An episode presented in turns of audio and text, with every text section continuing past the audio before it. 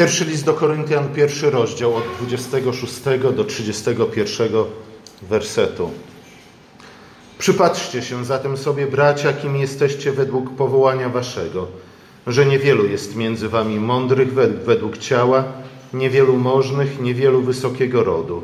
Ale to, co u świata głupiego wybrał Bóg, aby zawstydzić mądrych, i to, co u świata słabego wybrał Bóg, aby zawstydzić to, co mocne, i to, co jest niskiego rodu świata, i co wzgardzone, wybrał Bóg, w ogóle to, co jest niczym, aby to, co jest czymś, unicestwić, aby żaden człowiek nie chełpił się przed obliczem Bożym, ale wy dzięki niemu jesteście w Chrystusie Jezusie, który stał się dla nas mądrością od Boga i sprawiedliwością, i poświęceniem, i odkupieniem, aby, jak napisano, kto się chlubi, w Panu się chlubił. Oto Słowo Boże. Paweł we, wstępie do swojego listu do Koryntian napomina Kościół za podziały. Kościół w Koryncie za podziały. Generalnie rzecz biorąc, cały ten list dotyczy podziałów ze względu na to, że Koryntianie najwyraźniej, jakby powiedział pan Braun czy Kucharczyk, posłuchali Lutra i zaczęli się dzielić, czy też rozmnażać przez pączkowanie. Podziały te między innymi przejawiały się w tym, że Koryntianie wybierali sobie swoich ulubionych nauczycieli, czyli kaznodziejów, i zaczęli tworzyć frakcje, nazywając się od imion tychże kaznodziejów. Ewentualnie nazywali się od tych, którzy ich ochrzcili. Tak jakby to, kto kogo ochrzcił, miało znaczenie. Bo przecież tym, który chrzci, jest Bóg, a nie człowiek. I tak jedni nazywali się Pawłowymi, inni Apollosowymi, jeszcze inni, inni Kefasowymi.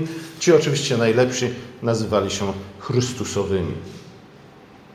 To tak jakbyśmy tutaj w naszym kościele utworzyli dwie frakcje. Jedną Bogumiłową, a drugą Andrzejową. Ciekaw jestem, która byłaby większa. Ale Paweł mówi, słuchajcie, to nie tylko głupota, ale to grzech. Grzech to jest zamach na ciało Chrystusa, ze względu na to, że ciało Chrystusa jest jedno, ponieważ wszyscy zostaliście ochrzczeni w jednym duchu, w jedno ciało, a tym ciałem jest Chrystus i Jego Kościół. Każda ta grupa próbowała pokazać, wykazać, że jest lepsza od innych. I generalnie rzecz biorąc, właśnie na tym polegają podziały. Na tym, żeby pokazać, że się jest lepszym od innych. Ale apostoł znów stwierdza, ale przecież ciało jest jedno. Pamiętamy, później w swoim liście odnosi właśnie, używa tego obrazu ciała, żeby pokazać, słuchajcie, noga potrzebuje ręki, razem potrzebują oka i dlatego żadne nie powinno się wynosić ponad inne. Ale właśnie to pragnienie wynoszenia się ponad innych było głównym problemem w kościele w Koryncie. I to to pragnienie atakuje apostoł. Jak czytamy w liście do Rzymian, chrześcijanie powinni raczej wyprzedzać się w okazywaniu wzajemnej czci i szacunku. Natomiast wykazywanie, kto z nich jest lepszy od drugiego, nie przystoi tym, którzy zostali ochrzczeni w imię Ojca i Syna i Ducha Świętego.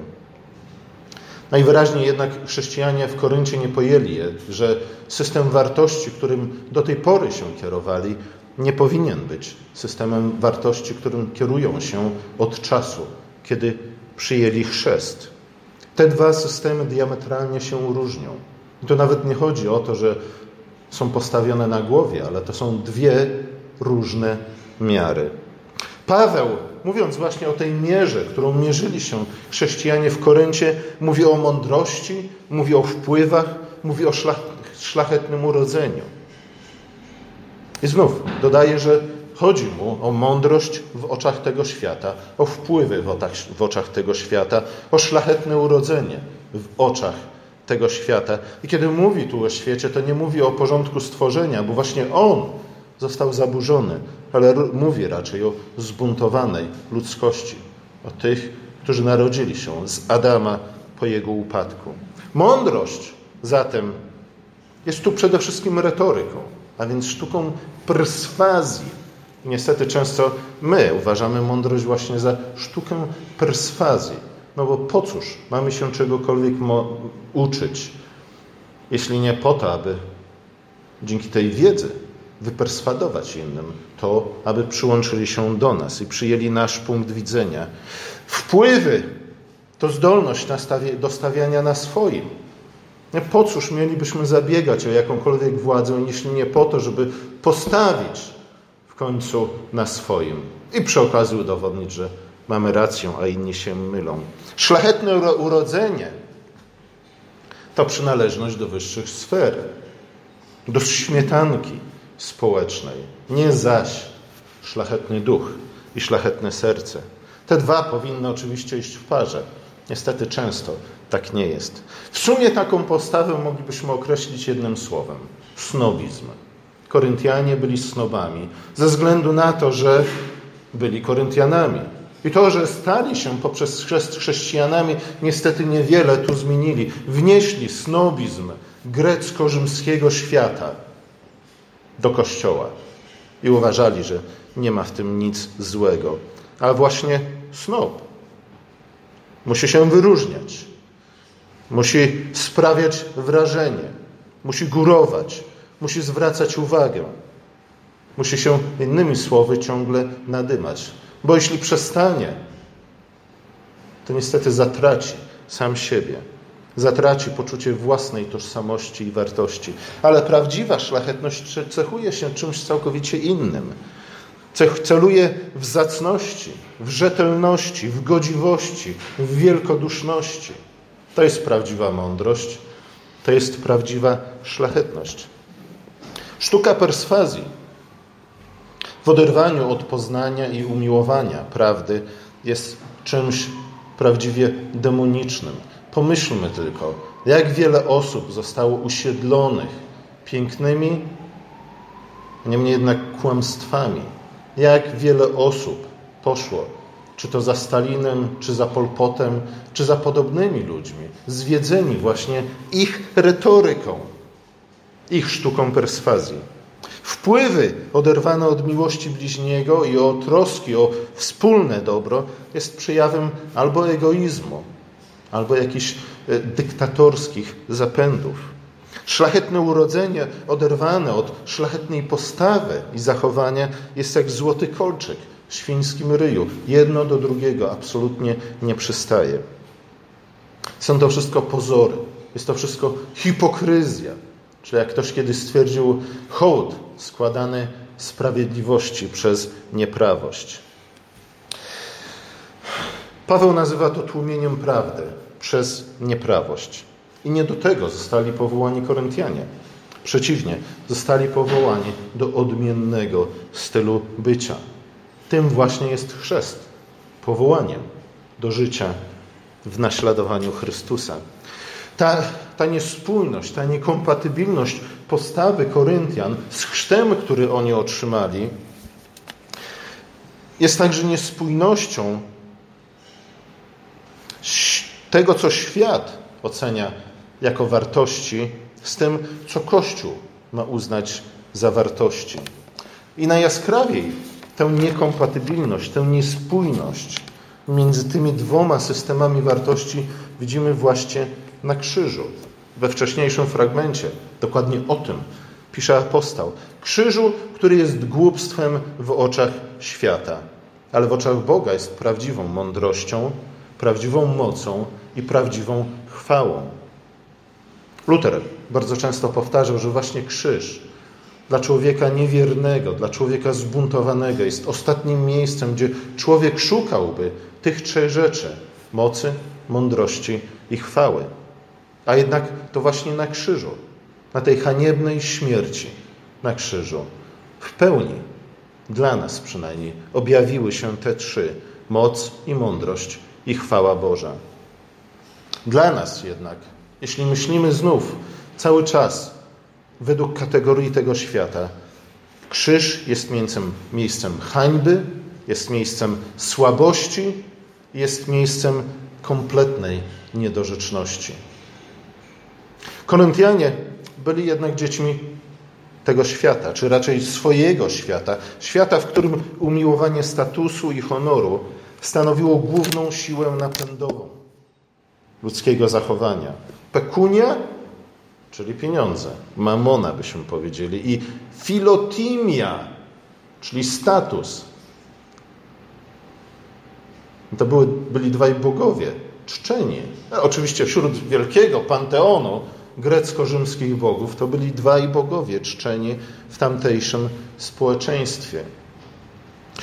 Jednak właśnie postępowanie wyznaczone przez tę siłę stanowi główny problem w kościele w Koryncie. Dopóki Koryntianie nie porzucą dawnych dróg, dopóty podziały będą częścią ich życia.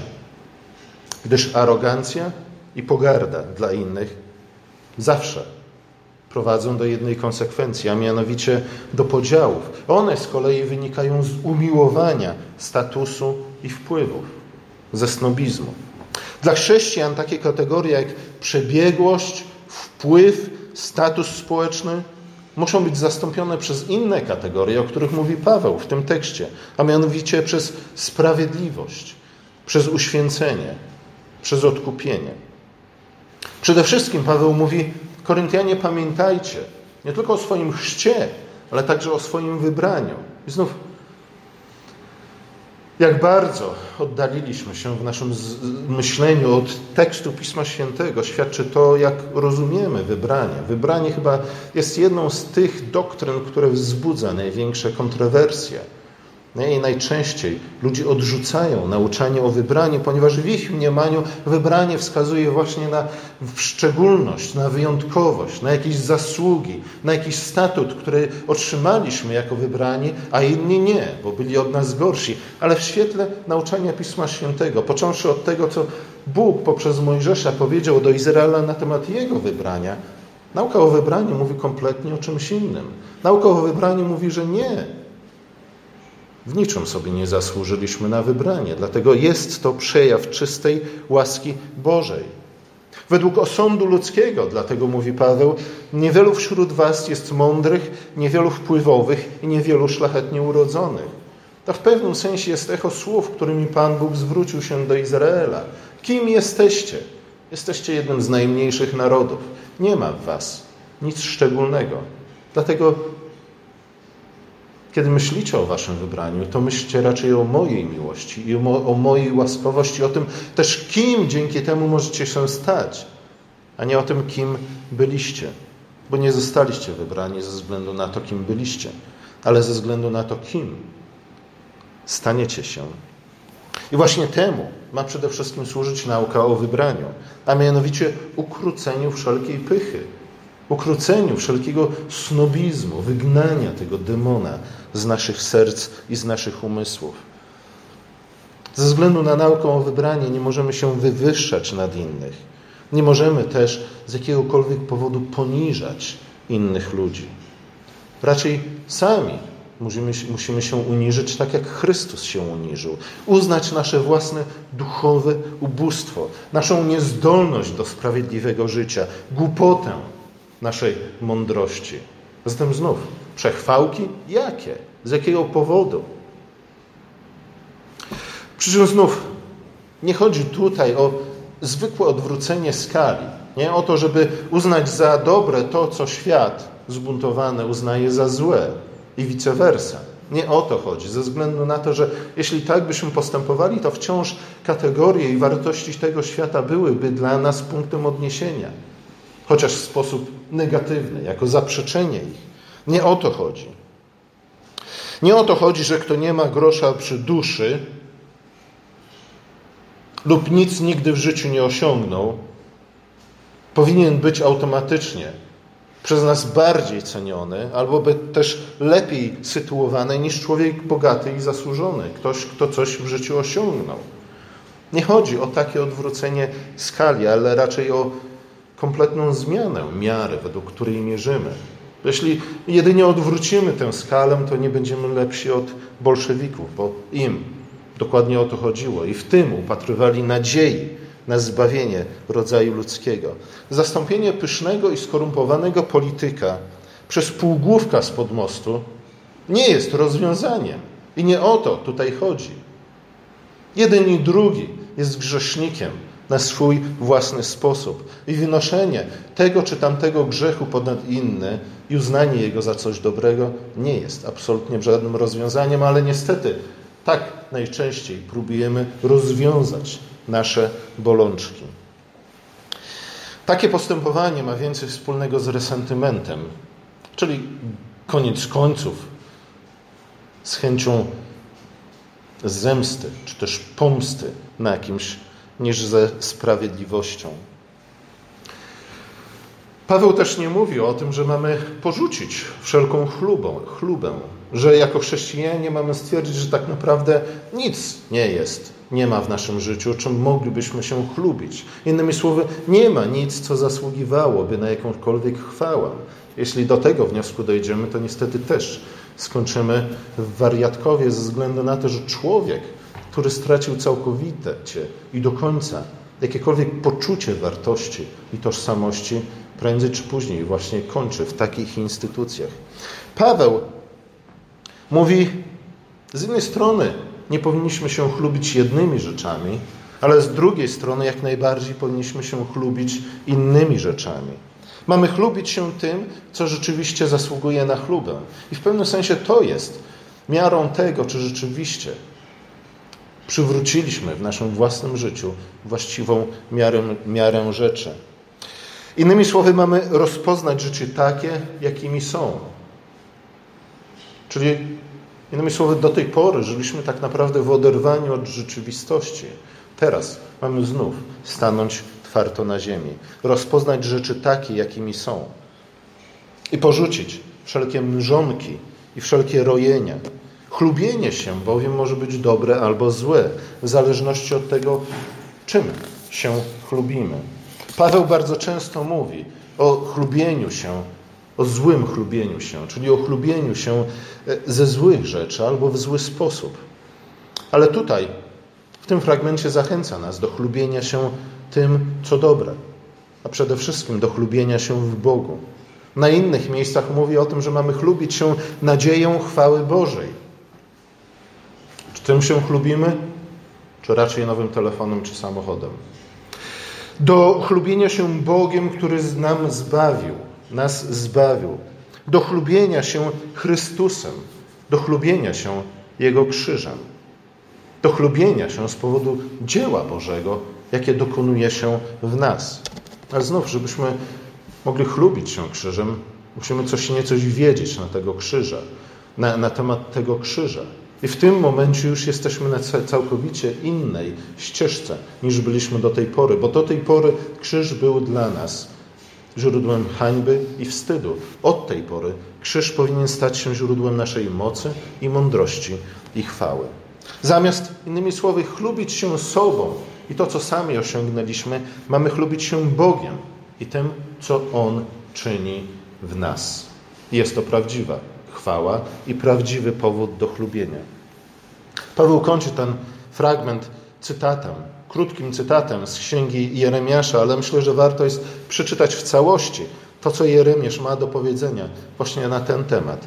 Niech się nie chlubi mądry swą mądrością, niech się nie chełpi mocny swą siłą, niech się nie chwali bogaty swoim bogactwem.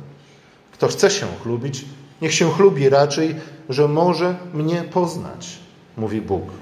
Bo ja Pan czynię miłosierdzie i prawo i sprawiedliwość w kraju i w tym mam upodobanie. I w tym samym również my mamy mieć upodobanie. I kiedy Paweł mówi o tym, że mamy właśnie dzieło Chrystusa w nas polega na tym, że w naszym życiu pojawiają się te trzy rzeczy, a mianowicie sprawiedliwość i uświęcenie i odkupienie, to myślę, że również nawiązuje tu do tych trzech rzeczy, o których mówi Jeremiasz. Do miłosierdzia, do prawa i do sprawiedliwości. Tym mamy się chlubić. Pamiętając i nigdy nie zapominając o tym, że to Bóg dokonuje tych dzieł w nas. Później Paweł w liście do Koryntian stwierdza, jeśli już ktoś ma powód do chluby, to jestem to ja. Paweł nie był oderwany od życia. Wiedział, że obiektywnie rzecz biorąc, uczynił więcej niż inni. I nie wypierał się tego, ale z drugiej strony jednym tchem, na jednym oddechu dodaje, ale w gruncie rzeczy to nie ja, ale Bóg we mnie to czyni. Dlatego Jemu przede wszystkim powinien oddawać cześć i chwałę za cokolwiek dobrego, co uczyniłem w moim życiu, a nie wynosić się ponad innych z tego powodu. A zatem chełpliwość, przemądrzałość, bufonada, jeśli którakolwiek z tych rzeczy w jakikolwiek sposób cechuje któregokolwiek z nas, to świadczy o tym, że wciąż chodzimy na pasku szatana, ponieważ to on chce, abyśmy byli snobami i bufonami, nadęci, tak jak się da. Ale te rzeczy, chełpliwość, przemądrzałość, bufonada, e, nie tylko świadczą o tym, że wciąż chodzimy na pasku szatana, ale także zadają ranę ciału Chrystusowemu. Z tego powodu pojawiają się podziały między nami. Stanowią frontalny atak na Ewangelię, stwierdza również apostoł. Czynią krzyż przedmiotem kpin i pogardy. To raczej pokora, wielkoduszność, wzajemny szacunek, a nawet prześciganie się w okazywaniu wzajemnego szacunku są spoiwem Kościoła i świadectwem o tym, że zbawcza moc działa w nas. Zatem Paweł mówi: Zostaliście ochrzczeni i w ten sposób zostaliście włączeni w jedno ciało poprzez jednego ducha. Ten duch was spaja. I mówi i bardzo dobrze. I nie powinniście nigdy gardzić swoim chrztem. Ale z drugiej strony to jeszcze nie wszystko. Ze względu na to, że za tym musi pójść również wasze życie. Dlatego chrzest, swój własny chrzest również musicie przyjść, przyjąć wiarą i przyjmować go wiarą przez całe życie, ze względu na to, że tylko w ten sposób możecie pozbyć się tych swoich starych nawyków, starej miary, jaką mierzyliście siebie i innych ludzi, które prowadziły tylko i wyłącznie do waśni i kłótni i podziałów, i zacząć nowe życie według nowej miary, którą jest krzyż Chrystusa. A zatem Prędzej czy później zawsze musimy wrócić do krzyża, bo On tak naprawdę jest miarą wszystkiego.